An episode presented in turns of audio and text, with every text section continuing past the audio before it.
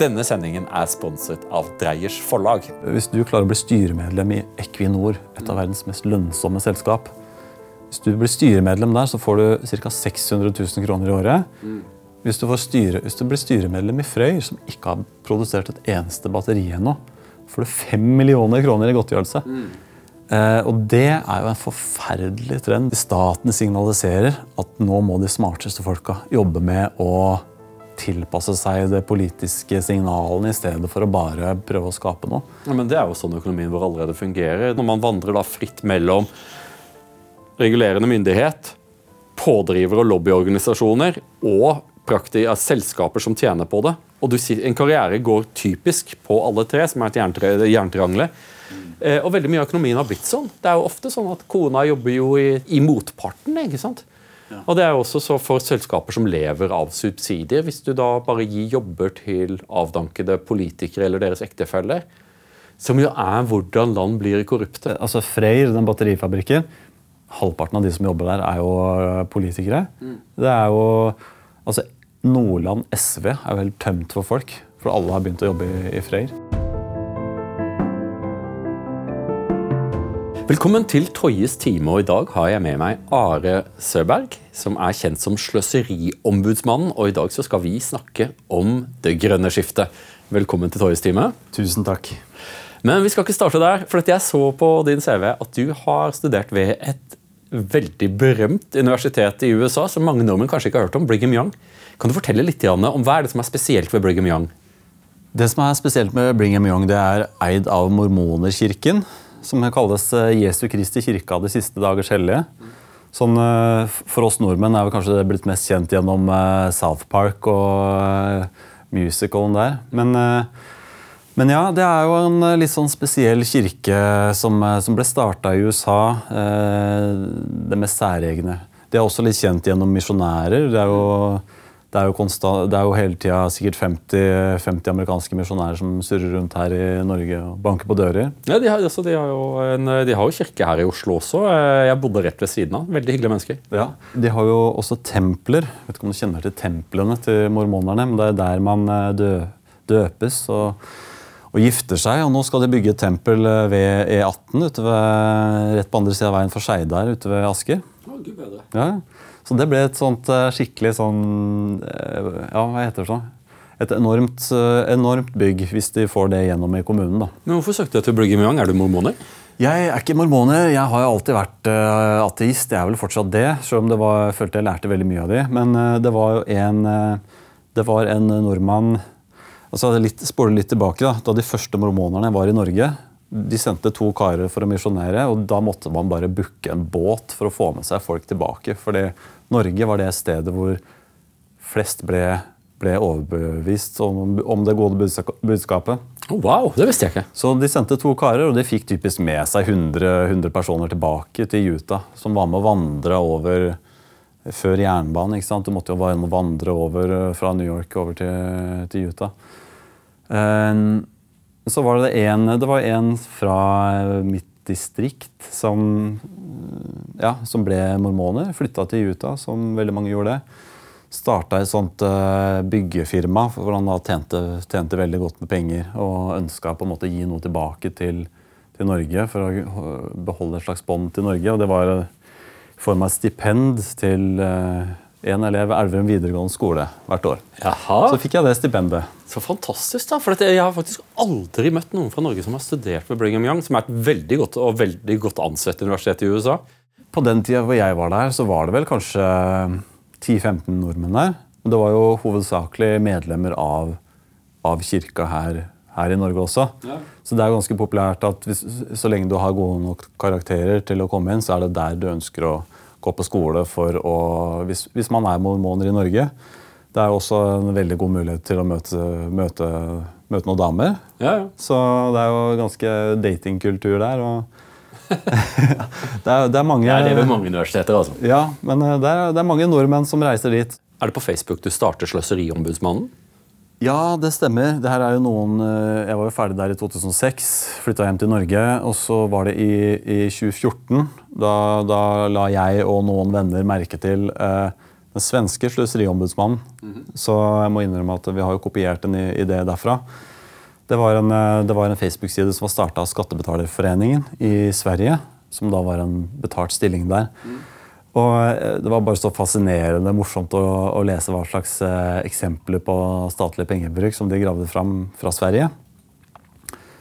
Men samtidig så hadde jeg og noen kompiser på en måte pleid å snakke om mye av de samme tingene her i Norge. Så slo det, slo det meg at i stedet for at vi bare skulle sende mailer og tulle internt, så kanskje vi kan få et litt større publikum rundt det, rundt det temaet her. Gud bedre, det har du fått. Er det 100 000 følgere dere har? Ja, 103 000 nå.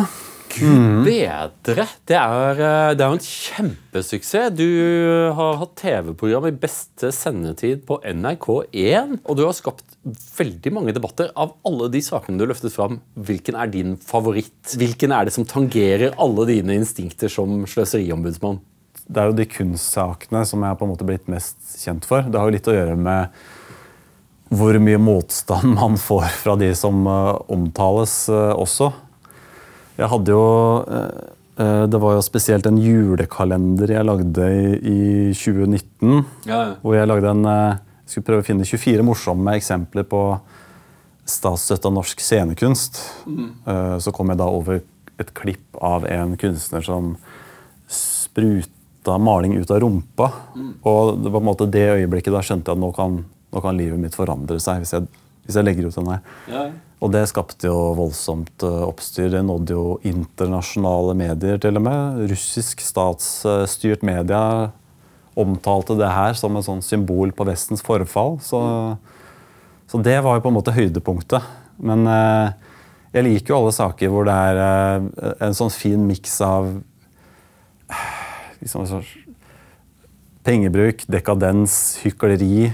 Alt, alt det inn i en suppe er jo en veldig morsom, fin suppe. For det er jo ikke dette her som kommer til å verken redde oss eller ta knekken på oss. Det er jo ikke så mye penger i kultur i Norge, selv om en del av de pengene brukes på underlige ting. Men fortell meg litt sånn eh, Hva er det med Kulturrådet? Eh, fordi jeg, jeg har fulgt nettsida di ganske lenge. Jeg må ærlig innrømme at jeg har, ikke, jeg har ikke vært en av de som har vært i trådene. eller sånn, Bare liksom registrert det.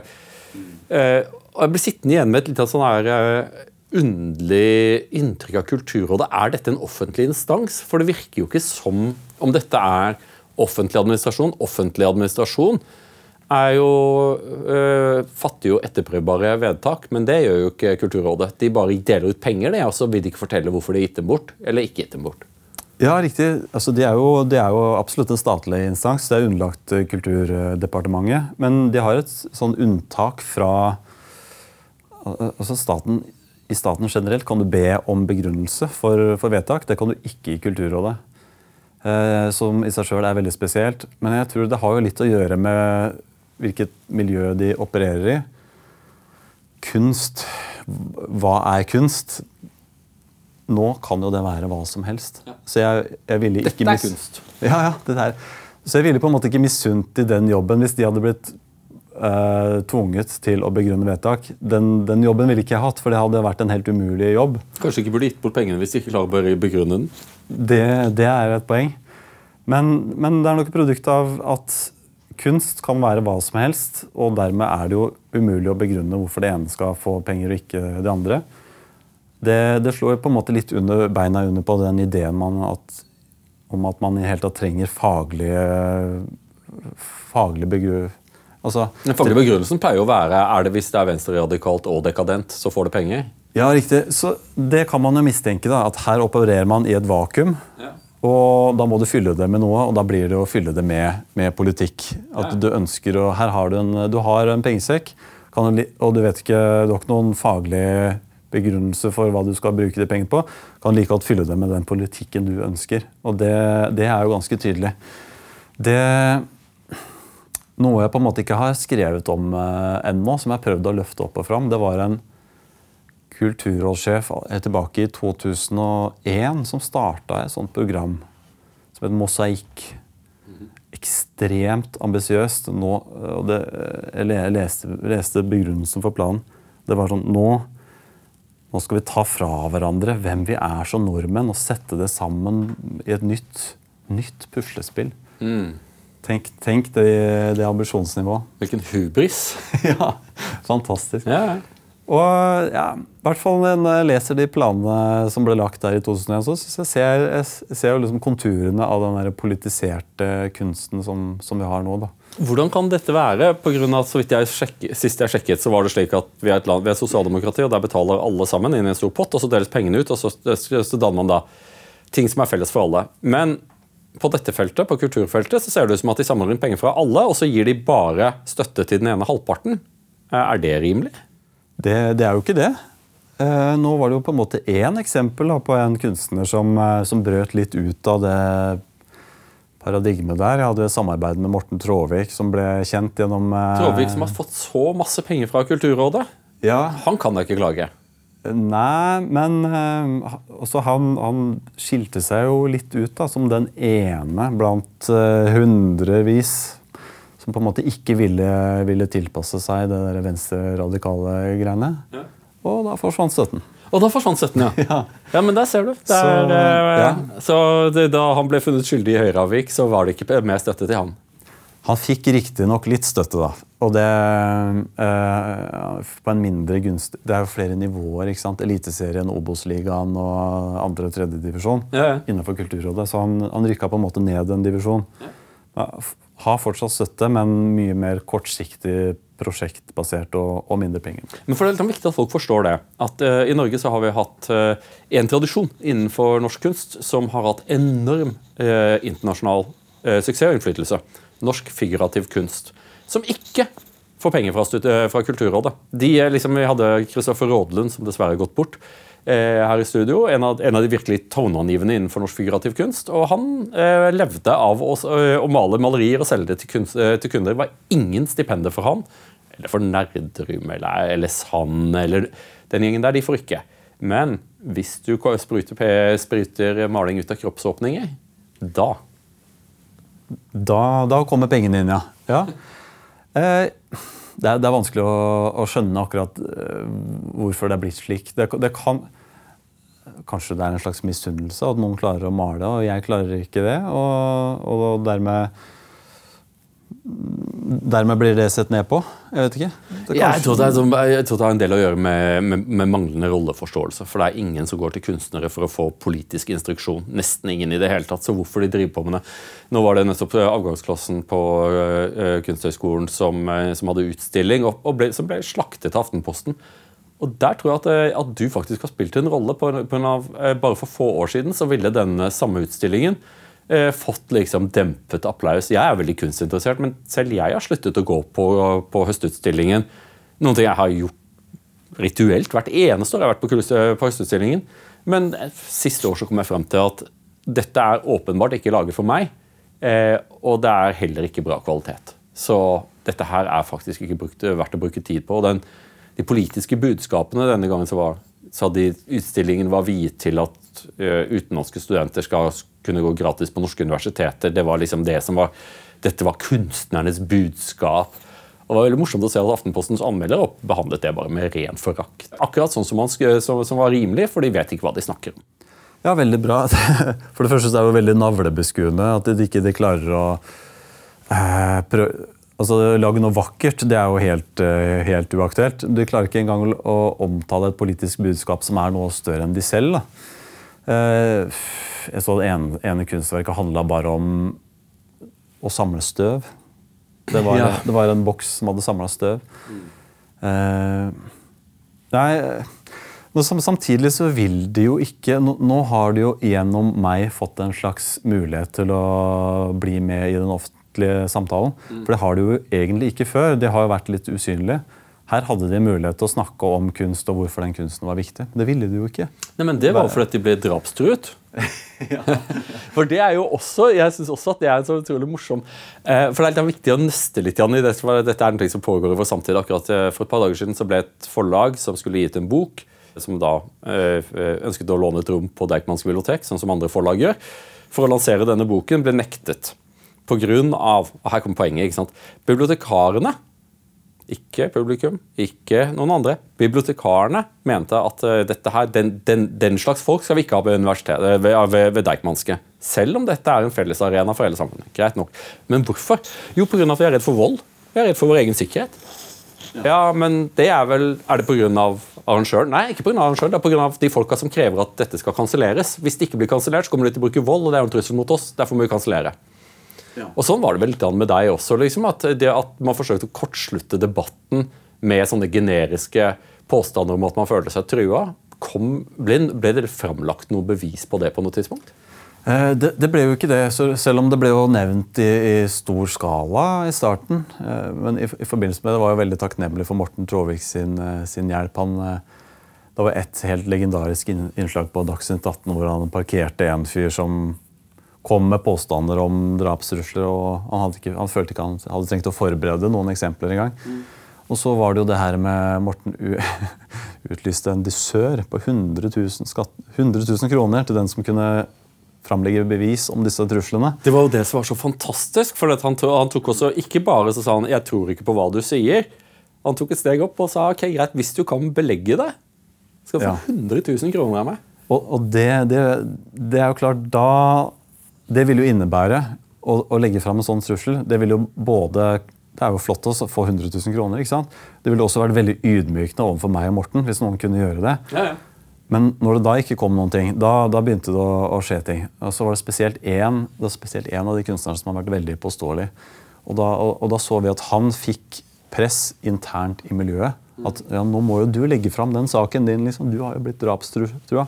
Han hadde vel fått 26 drapstrusler, tror jeg han sa. Ja, 26 det var veldig, Selv om jeg ikke hadde omtalt det engang. Så det var veldig mystisk. Ja, var det du som trua? Eh, men det og så balla det på seg. ikke sant? Når det først, når det først har når du først ljuger, så må du velge. ikke sant? Du blir konfrontert. Mm -hmm. Skal du innrømme det med en gang, eller skal du eskalere løgnen? Ja. Og denne løgnen her eskalerte jo gang på gang. Uh, han sa han hadde vært i en uh, han hadde, uh, den, den, den, som hadde trua han, hadde fått en dom på seg. Noen spurte jo så klart kan jeg få se den dommen. Ja, Nei, sorry, jeg sa feil. Det var i konfliktrådet. -huh. Altså der, der, er det ikke offentlige dommer. Uh -huh. Så viste det her også, Han hadde ikke vært i konfliktrådet, men da hadde han lagd en falsk PDF med konfliktrådets logo oppå. Ja, Det er dokument, dokumentforfalsk. Det er jo kjempealvorlig. Ja, ja, Så han ble anmeldt for det av konfliktrådet, men den ble dessverre henlagt. Ja, ja. Men sånn skjer. det punkterte i hvert fall den der debatten for, for min del, så det var jeg veldig glad for. Men jeg sitter også hjemme med en følelse av at ikke sant, vi som er eh, presumptivt voksne mennesker, vi må se litt på hva er det som foregår i samfunnet vårt. Og jeg vil gjerne snakke litt med deg om et tilstøtende felt, hvis man kan snakke om det, nemlig det grønne spranget. Det de kaller det grønne skiftet, men det fungerer, ikke på norsk. Det er ikke sånn vi bruker skifte. Skal vi skifte retten?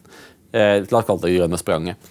For det virker for meg som at en del av de samme mekanismene som vi ser innenfor norsk kulturpolitikk, er liksom ute og galopperer innenfor eh, grønn politikk også. Stemmer det? Det kan, det kan, hende, det. altså. Jeg, jeg liker veldig å prøve å skjønne hvordan folk tenker. Eh, og i den kunstdebatten så, så hørte jeg på hørte på alle som var av debatter og podkaster. Det var jo en flora av debatter og panel, paneldebatter og podkaster rundt, rundt, det her. Så husker jeg veldig godt eh, en, en, politiker som sa at nei, han syntes det burde være mer statsstøtte til kunst fordi kunst er bra. Og that's it. Ikke sant? Kunst kan være bra. ja, men det er en ganske stor sekkebetegnelse. Ja. I moderne kunst så kan jo kunst være alt. Siden kunst kan være alt, og du per definisjon ønsker å bruke mer penger på kunst, ja. da sier han at jeg vil bruke mer penger på alt. Og Samtidig så har du også kobla deg helt fri fra det at normalt sett eh, Om noe er et bra kjøp eller ikke, avhengig av hvor mye noe koster. Ja. Eh, I vårt eget liv, eh, mat f.eks. Mm. Ingen ville jo sagt at mat, mat er bra. Mat er bra, Derfor skal vi bruke mer penger. Eh, det ville jo å sette liksom en, en råtten kyllingnugget i samme bås som sunn mat mm. Det er jo helt det, er jo, det går ikke an å tenke sånn. Det blir jo ekstremt fordummende. Men det er jo trenden innenfor moderne kunst. Ikke sant? På grunn av at I det øyeblikket kunsten ble løsrevet fra eh, publikum, eh, og deres estetiske dom. Ikke sant? For det enkleste måten er å si Hvis noen er villig til å betale for det, så er det, så er det åpenbart kunst. Men det er jo ikke sånn norsk kunst. For, eh, mesteparten av det greiene her er det, det- Dette er betalt for av staten, for staten, og det fins ikke noe marked eh, i seg selv. Eh, og da blir jo spørsmålet eh, hvorfor eh, bruker vi så mye penger på dette her? For det virker som ikke som at publikum Det er en skrikende etterspørsel etter litt sånn sjaber, atonal jazz og, eller eh, ja, pling-plong-musikk og uinspirerte kliss-klass-malerier utført av sjabre mennesker eh, som ruller seg rundt i malingen som dyr. Det virker ikke som at det er det egentlig folk er ute etter. da. Nei, Det er jo mest i hensyn til, til mottakerne. da, At de ønsker at uh, man skal ha et uh, supernav for, for kunsten. Som, for de som ikke ønsker å gå på vanlig Nav. Eh, men jeg tenker på sånn tilbake til analogien fra kunsten over til det grønne skiftet. her. Den, den der veldig enkle, fordummende greia med at mer penger til kunst fordi kunst er bra. Ja, Ja, Det er nok noe av det samme tanken med ikke sant? grønn energi. Bra, derfor mer penger. Det er veldig, det, det, var, det var klokt, og hvis du tillater meg. Det blir jo litt sånn som med, med avlat. ikke sant? At eh, når, eh, når, når penger i kistebunnen klinger, CO2 ut av atmosfæren springer. Ja, for Det er jo en antakelse om at penger som blir brukt på grønne ting, på en eller annen måte vil redusere klima, eller klimautfordringen, eller ta, rive CO2 ut av atmosfæren. Men så enkelt er det nok ikke. Nei, man er veldig opptatt av intensjonene. Du bare sjekker av intensjonen. Her, det her skal være grønt, penger ut, og da er jobben vår gjort. Men vi ser jo veldig mange eksempler på at det, det er ikke sånn det fungerer. Eh, og en av tingene som eh, Jeg har kanskje hengt, opp, hengt meg opp i noen sånne små detaljer da, som jeg føler gir veldig rare insentiver. Annet det her med at politikerne er veldig opptatt av nasjonal CO2-regnskap. Og jeg har jo et sånt bilde i hodet mitt at uh, miljøministre fra hele Europa møtes i Brussel og de dulter litt borti hverandre. og ja, hvor, mye, hvor mye klarte du å kutte i år liksom, på ditt CO2-regnskap? Så går det litt prestisje i å, å gire det nummeret. da. Eh, og så vet vi jo at det er ganske mange, mye, mange tiltak som kan påvirke nasjonalt CO2-regnskap uten at det påvirker det globale i så veldig stor grad. Og hvis det er miljøet du er bekymra for, så er det jo det globale. Her kommer det jo Du ville tro det, men det er den totale mangelen på interesse for for eksempel, bare La meg gi deg et, et eksempel. Det er ganske sterke indikasjoner på at eh, verdens eh, snart eh, nest største og etter hvert største økonomi, eh, India, jukser skamløst med sine CO2-regnskaper. De hevder at de er i ferd med å industrialisere på, på vind- og solkraft, men de bygger eh, kullkraftverk. Men det er egentlig virker ikke som noen er noe særlig interessert i å se dem etter i regnskapet, på tross av at India et, eh, er så store at de, at de har globale konsekvenser. Det er ingen som er interessert i hva som kineserne gjør, eller russerne gjør, eller Brasil gjør. Hvorfor er vi så utrolig opptatt av å eh, gjøre ting som ikke har den ringeste effekt på det globale klimaet i Norge? Og hvorfor må det gjøres i Norge? Jeg vet, det ble litt utenfor mitt, mitt område, men det kan jo være en, en, en del av en generell trenden med at vi liker selvpisking. Vi liker å, vi liker å kritisere oss sjøl, vår egen kultur.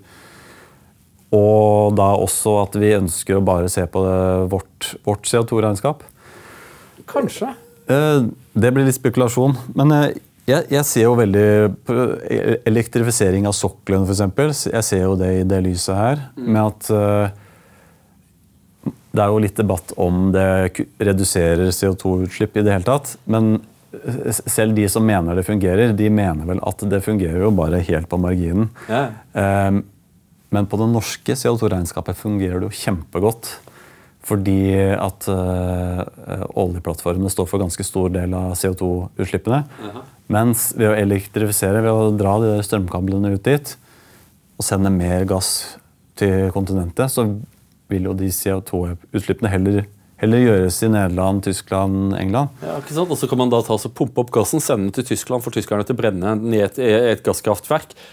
Eksportere strømmen tilbake til Norge, og det, deretter bruke den til å tenne på lysene på plattformen. Det er det som er tanken. ikke sant? Det er en, en sirkeløkonomi. Ja, riktig. Så du, du bare flytter det, flytter det et annet sted i den energikjeden, og vi nordmenn ser bedre ut, men alt i alt kanskje marginaleffekter av de der 50-60-70 milliardene som vi skal bruke på det. Ja, for det, det, minner jo, det, minner jo, litt om eh, hva vi driver på med nå. ikke sant? Så de fleste er jo ikke klar over det, Men en ganske ålreit andel av den gassen som vi brenner i Europa i dag, er russisk gass som vi har importert fra Kina som LNG. Men fordi kjøper den ikke direkte fra Russland, så er det greit. da Vi kjøper den fra kineserne. Som, ja. en, det blir en dyrere måte å gjøre det på. da, Det er fremdeles russisk gass. Men, eh, men eh, det tillater oss å si at vi sanksjonerer russisk gass som vi brenner. Denne sendingen er sponset av Dreyers forlag. Dreyers forlag gir ut mange gode konservative bøker, men en bok som vi skal reklamere for i dag, er Eric Kaufmanns 'Det hvite skiftet'. og Det er til alt overmål en bok jeg har lest selv, og vil anbefale dere alle å lese. Det er en bok som forklarer mye av den sterke polariseringen vi ser i vestlige samfunn i dag. Med ganske overraskende funn, vil jeg si. Dreiers forlag har til alt overmål stilt opp med et ordentlig godt tilbud for eh, Minervas lyttere og seere, så klikk på lenken som ligger i beskrivelsen under. Ja, eh, altså med Russland, Jeg er heller ikke noen ekspert på konflikten der, men eh, jeg husker jo helt i starten, så Det var jo bare snakk om uker før Russland kollapsa fullstendig. Men så viser det seg at alt fungerer jo nesten som før. Det er bare å ha en mellomlanding i Istanbul i stedet for å Ja, jeg syns det er helt fantastisk. Det, men det er jo sånn eh, Verden vil bedras, eh, men verden er nok, begynner jo nok å bli litt sånn eh, Hvis, hvis vi sier verden, offentligheten, må begynne å lure litt. Når vi ser på eh, Elektrifiseringen av sokkelen er nok, er nok kanskje et godt eksempel på et et stort grønt initiativ som ikke har noen effekt i det hele tatt, men det er veldig dyrt. Og dette skal man bruke offentlige penger på. For det er jo det som veldig mye av dette grønne spranget går ut på, er at det skal være subsidiert, og det skal være tungt subsidiert. Eh, jeg begynte å bli ordentlig skeptisk da jeg var i Davos, for da, det året jeg var i Davos, eh, det blir vel 2015 16 er det. Eh, så var det, eh, så var det allting som var grønt, var det som var på Davos-toppmøtet. Å se hvor utrolig entusiastiske verdens rikeste mennesker var for dette grønne skiftet. Eh, og det er jo da de folka som driver butikk i stor skala. Liksom. Det er de store ingeniørselskapene. De er veldig tilhengere av det pga. at What's not to like? Liksom, at hvis du har en helsubsidiert økonomi der du kan skrive regningen selv, og det ikke er noen sjanse for at du kan tape penger, kjør på, ikke sant? Ja, det, er jo på en måte fordel for ingeniører å legge opp til et ekstremt komplisert prosjekt, for da har man jo behov for ingeniørene. Ja, ja. Eh, det er jo kanskje en litt sånn trend for med ja, den der gamle månelandingen, da, som var litt før min tid som sløseriombudsmann. Ja, månelandingen, ja, Den felte jo en regjering, den gjorde den ikke det? Det var, da, det, var, det var, vel det som Bondevik gikk på, det. Så det har vært en litt sånn trend eh, F.eks. Steve Jobs hadde visst en sånn, har jeg hørt, en sånn tendens til å, å legge fram for ingeniørene sine sånne nesten umulige problemer. Og så bare Just get it done, liksom. Bare, bare fiks det. Han hadde sine drømmer. Og, og, hos Apple så har det tydeligvis fungert uh, ganske greit. da. Var, men uh, politikerne har nok også noen sånne øyeblikk hvor de Eh, teknologien finnes ikke, men du bare har en drøm om noe du ønsker å få gjort. Og det var jo kanskje det CO2-renseanlegget med Mongstad. Ja. Man ber ingeniørene just bare, bare fiks det problemet her. Ja. Og det skaper jo inntekter for ingeniørene, så klart. Ja. Sysselsetter jo de. Men noen ganger så Problemet blir jo ikke løst. Og det, det var vel kanskje det som skjedde på Mongstad, selv om jeg kjenner ikke den historien enormt godt. Det er en dansk historiker, Ester Bosserup, som kom opp med en idé. Eh, det var i forhold til noe helt annet, men i forhold til eh, hvor mange mennesker det er plass til på planeten. Og så, så påpeker hun at de som hevder at menneskeheten hele tiden vil slås tilbake av sult og krig og pandemier, og sånne ting, de tar feil. Vi klarer å utvide vår evne til å lage mer mat. 3 milliarder, 8 milliarder, no problem. Problemet er at teknologi fungerer ikke helt på samme måte som det å, å gro flere aks eller flere poteter. Det er ikke sånn at du kan få teknologiske gjennombrudd når du har budsjettert dem. Eh, og det var vel det som skjedde, at de bare tenkte at sånn som du sa Fiks disse greiene her. vil gjerne ha liksom, Det må være CO2-fritt. Kjempeviktig. Og så fikk de det jo faen ikke til. Nei. Nei, det, det, ble jo en, ble jo en stor, stor flause, det. Um, nå har vi kanskje hatt Oslo kommunes eh, sånn månelanding, som, eh, som kanskje har krasjlanda igjen med det renseanlegget på Klemetsrud. Ja, det, det, eh, var ikke helt gratis, det heller. Kosta noen milliarder, gjorde det ikke? Ja, men det var jo også altså på toppen av politikerne sin ønske om å fikse, trikse, fikse på nasjonale CO2-regnskap, så er det jo blitt prestisje i kommunale CO2-regnskap. Ja. Eh, og, og, Oslo kommune med MDG har jo vært spesielt opptatt av det. Og det her CO2-renseanlegget på Klemetsrud har jo vært på en måte, det har vært, den ene tingen som kunne gjøre at de kunne opp, oppnå målene sine. Nå, nå, ser det ut som den teknologien heller ikke funka. Det var også litt sånn drømme, drømmeprosjekt. Mm. Så det ble veldig sånn spennende politisk framover. Det virker jo som de ikke kommer til å nå de målene som de har nådd. Og da, ja, hva skjer da med, med MDG? Ja, for Det er jo en sånn forstemmende forhistorie her. ikke sant? Uh, som for meg, jeg, jeg, har jo jobbet med bistandsevalueringer i tidligere liv. For meg så minner det veldig mye om bistand. Eh, jeg vet ikke om du så um, den dokumentaren 'Plant of the Humans'? Plant of the Humans er en dokumentar som viser eh, hvordan det gikk med en del av de store, virkelig store prestisjeprosjektene som var ment å elektrifisere med sol og vind, eller å, å redusere CO2-utslipp. Og lærdommen har jo vært helt spinnvill. ikke sant? Er, øh, og veldig mange av de, disse initiativene, og det er det som er det skremmende, er at sant, når da man bygger en gigantisk speilpark i ørkenen for å generere strøm, Eh, så klarer ikke den, eh, denne, denne, parken å skape mer strøm enn det tok å bygge den før den er utrangert. Hvis du skjønner hva jeg mener? Altså, for dette, allting det tar jo energi å lage speilglass og, eh, og, kabler og alt mulig. Så liksom det må tas med et regnskap. Og på et eller annet tidspunkt så må da denne vindmølla, denne solcelleparken, på en eller annen måte ha, ja, ha generert mer strøm enn det tok å, bygge den. Eh, og det er jo for at Atomkraftverk er jo kjempegode, er bra på det. Det er stort, det er tungt, tar lang tid å bygge, men klarer alltid å produsere mer strøm enn det tok å lage det. Eh, med Plant of the Humans forteller at i veldig mange tilfeller så er det ikke tilfellet når det gjelder eh, vindmøller og annet. Mm.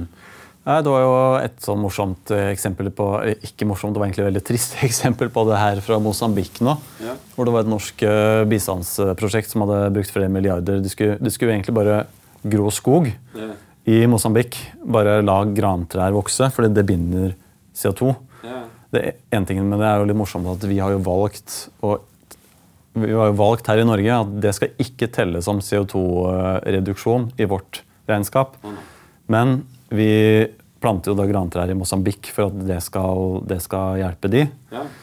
Eh, og så viste det seg at det var veldig lett å, å få en sånn stor tomt i Mosambik. Eh, å få tak på en sånn stor tomt. Grunnen til det var jo at de har ikke eiendomsrett i Mosambik. Så da var det bare å snakke med, snakke med noen politikere. Ja, og, de, og de kasta bare bort de småbøndene som, eh, som holdt, holdt de der i utgangspunktet. Ja. Så det er jo en sånn, kjempe, en sånn kjempekonflikt eh, lokalt der. Du, du, hiver ut 1000 mennesker som dyrka sin eh, lille jordlapp, ja. ikke vet hva de skal gjøre nå, bare for at det ser fint ut på et CO2-regnskap. da.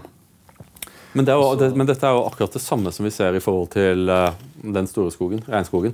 Der Norge har en regnskogsatsing som kort fortalt går ut på at vi skal betale land som Indonesia og Brasil for ikke å hogge ned regnskogen sin.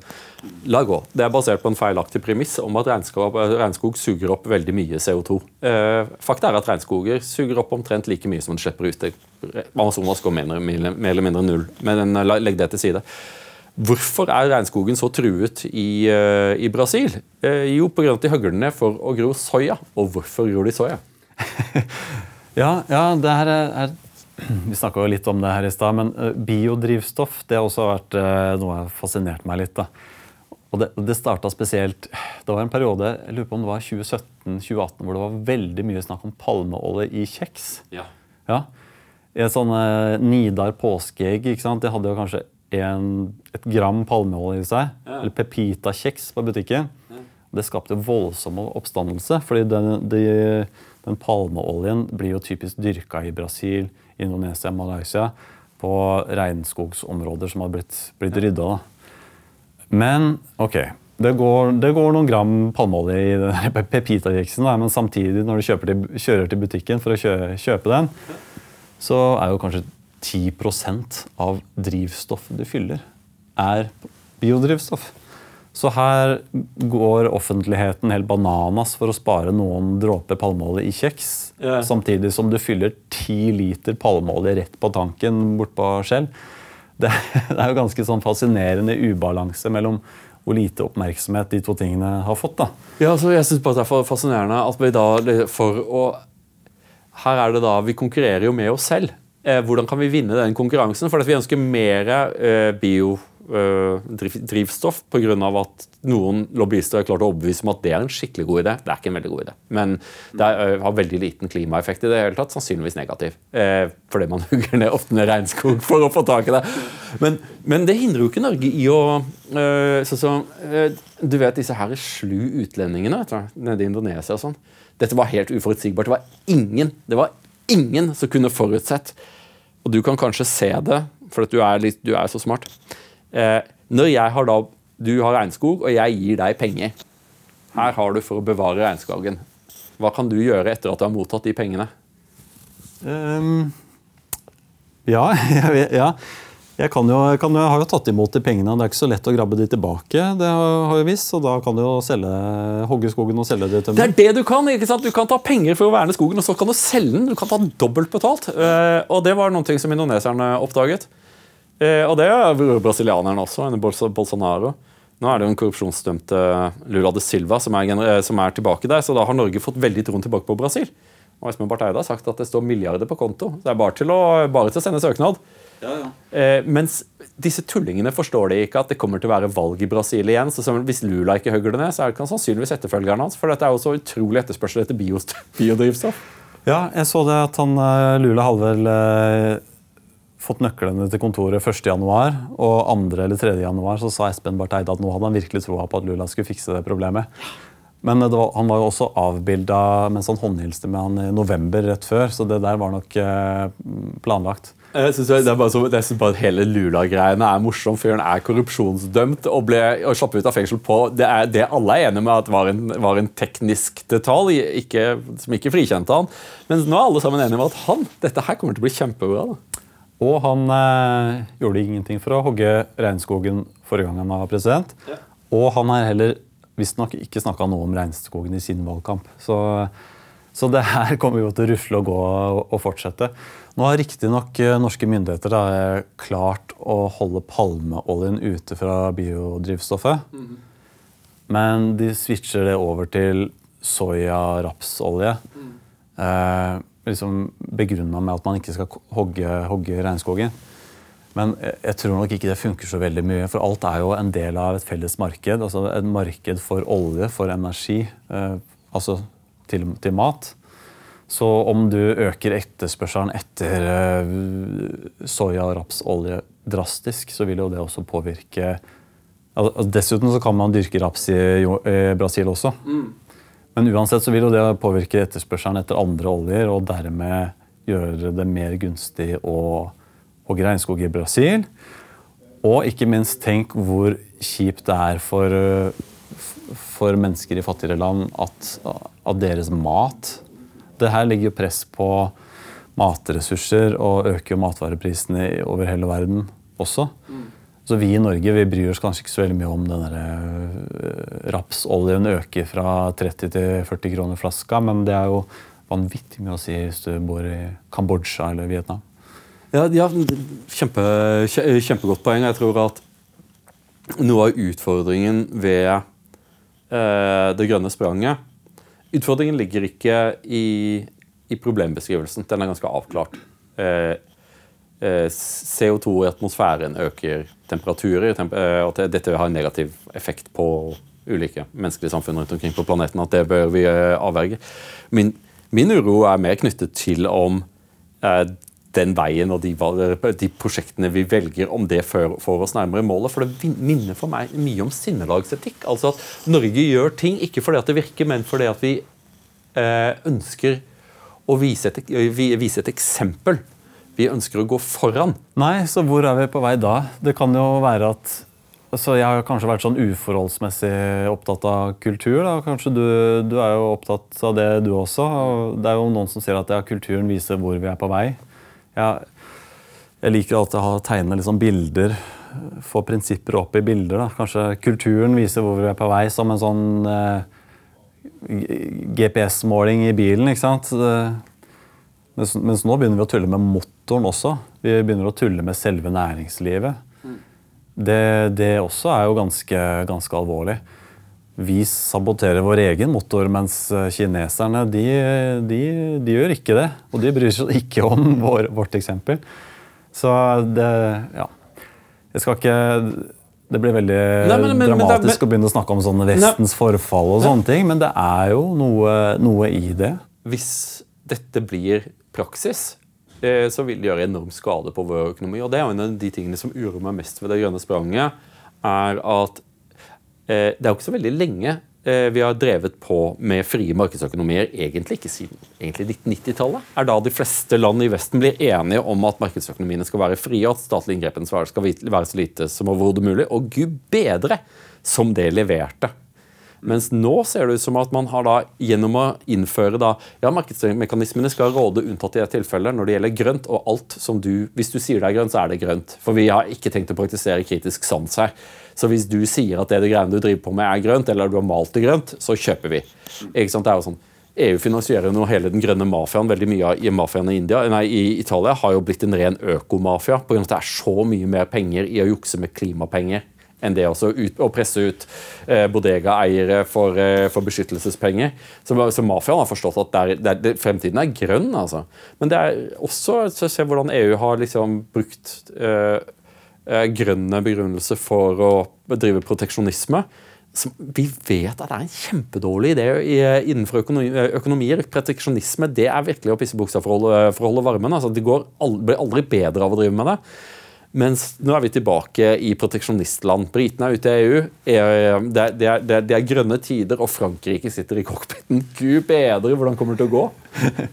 Ja, jeg, jeg tenker jo kanskje, kanskje noe som har vært en stor fordel i Norge. Da, at I Norge så har de smarteste nordmenn har gjort seg en karriere med å skape noe. I andre land så har det kanskje sånn at de, de smarteste ja, Du nevnte Italia. da, De smarteste de får en posisjon i mafiaen.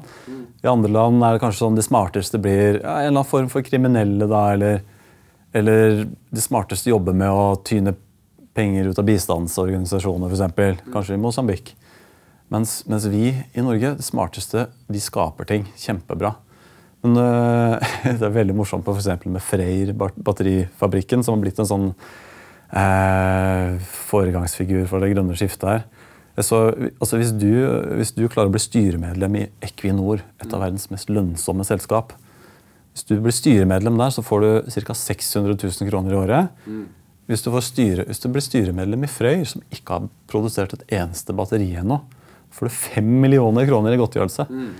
Eh, og det er jo en forferdelig trend hvis det hvis signalis staten signaliserer at nå må de smarteste folka jobbe med å tilpasse seg det politiske signalene i stedet for å bare prøve å skape noe. Ja, men Det er jo sånn økonomien vår allerede fungerer. Det er også, det, dette er noe som Terje Tvedt allerede har kartlagt av at sant, når du har et system der den ene personen eh, sitter, eh, sitter, på, sitter på, en, på en posisjon, og man vandrer da fritt mellom regulerende myndighet, pådriver- og lobbyorganisasjoner og prakti- ja, selskaper som tjener på det. Og du, En karriere går typisk på alle tre, som er et jerntriangel.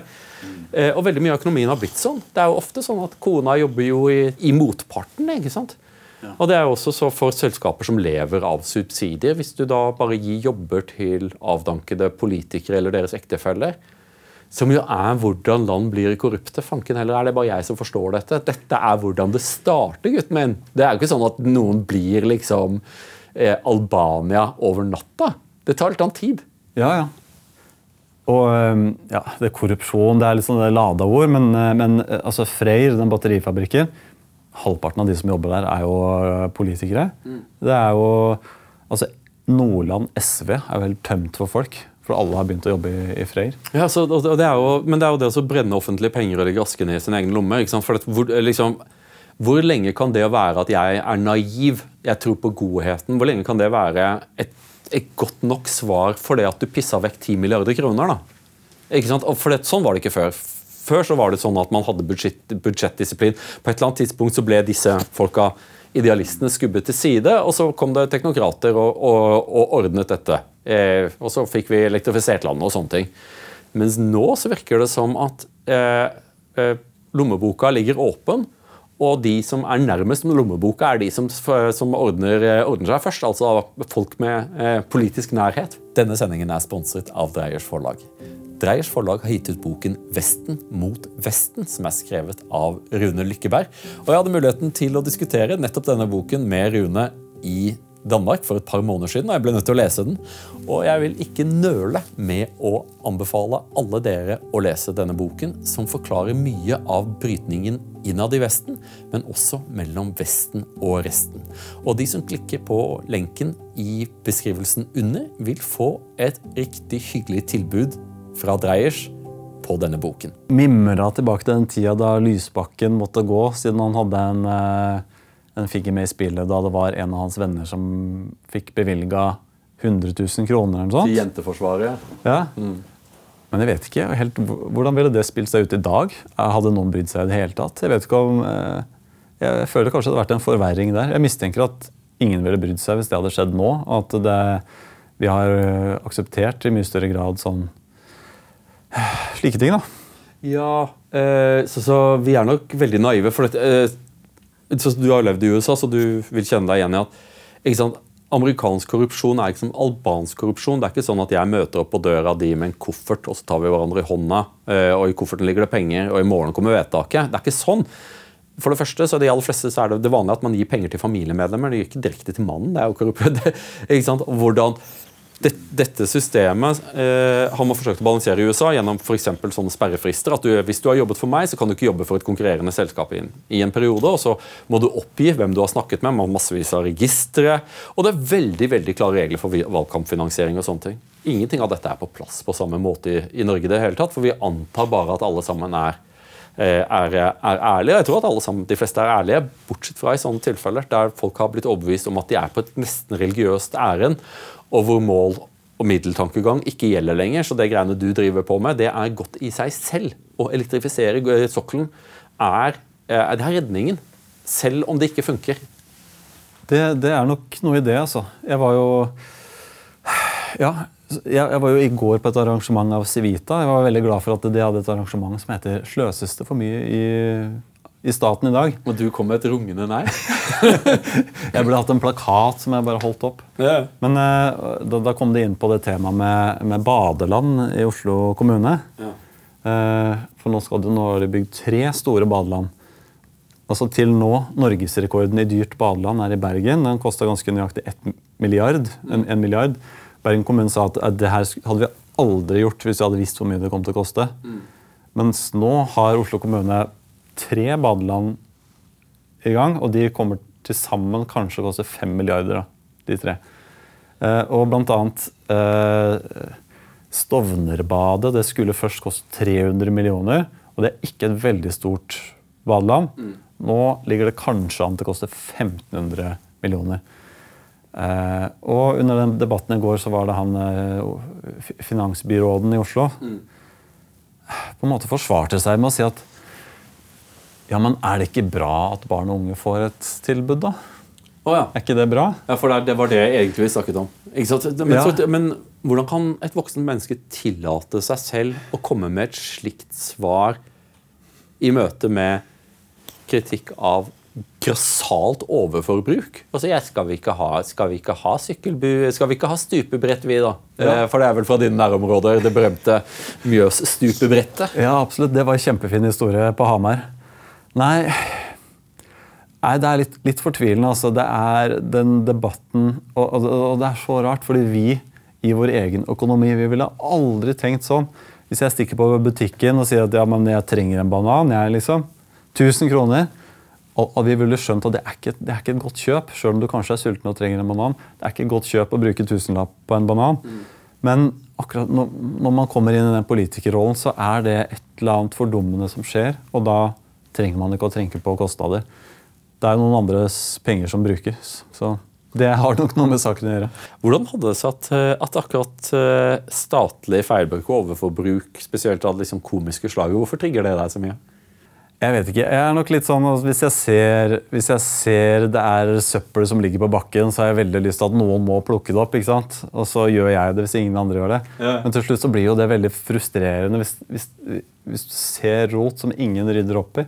Og det er jo litt sånn jeg føler det med, med statlig pengebruk. Det er veldig forbløffende at, at ingen gjør noe med det. Jeg er forbløffa over det, og jeg føler at følgerne mine er veldig forbløffa over det. Og det, jo, det, engasjerer jo tydeligvis veldig mange. Det har jo vært, det har vært altfor enkelt. Nå har vi over 100 000 følgere på den Facebook-sida her.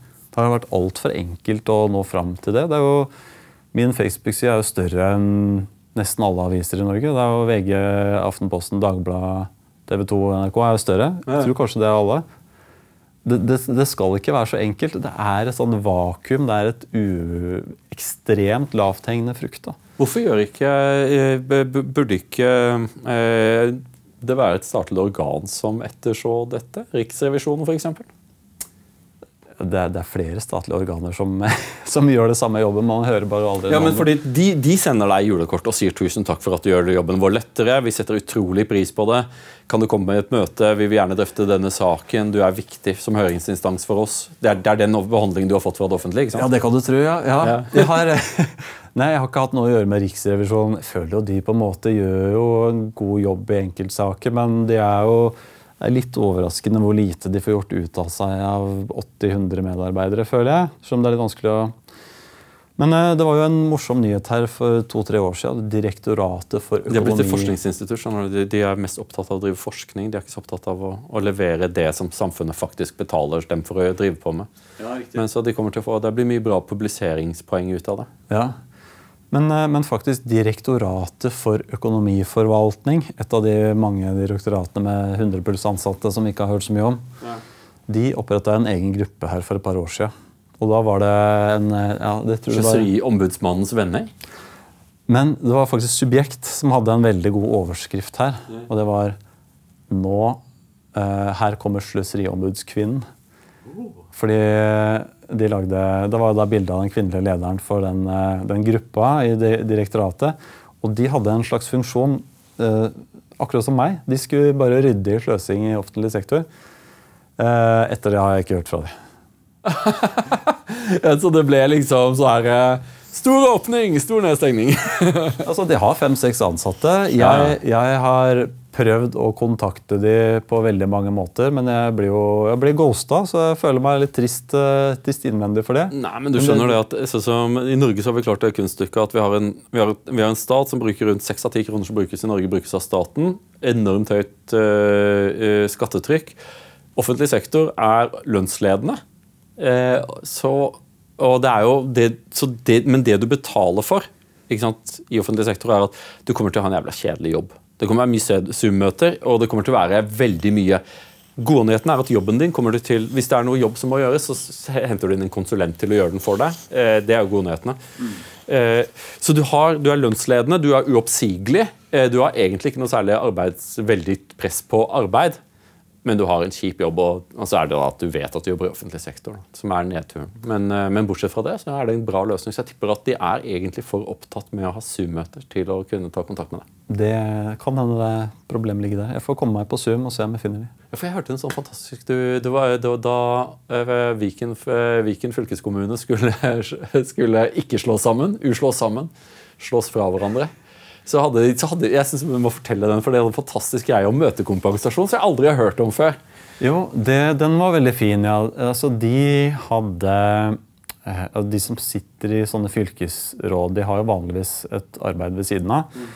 Og så får de betalt per møte. Og det ja, hva var det da? 2500 kroner per møte. Mm. Men det var ingen grense for hvor lange de møtene måtte være. Jaha. Så hvis, hvis, du skulle ha ett møte, så hendte det at du måtte ha et forberedende møte for å diskutere en liten ting rett før møtet. og det, da, da, kunne de ha en sånn femminutters call, f.eks.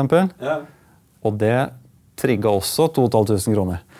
Eh. Det er så rørende. Er jo, jeg tror faktisk det var over 3000 kroner. Eh, og jeg synes bare at for noen som er da betalt rundt eh, liksom et eller annet sted mellom 700 og million kroner i året for at de skal ha en møtekompensasjon, uansett hvor kort møtet er, for å sitte på Zoom på over 3000 kroner. Jeg tror det var over 3000 kroner. Ja, det er mulig, det. Ja. Eh, det er jo, hvem er det som har, hvilket, Hvilket selskap ville komme opp med en sånn løsning? Det er jo ingen, Det private næringslivet kan du bare plystre etter. da. Ja, absolutt. Eh, og, og det ble jo veldig mange ekstra sånne møter i forbindelse med sammenslåing, opprivning. Så, så ja, der var, der var det mange som eh, hadde gode dager.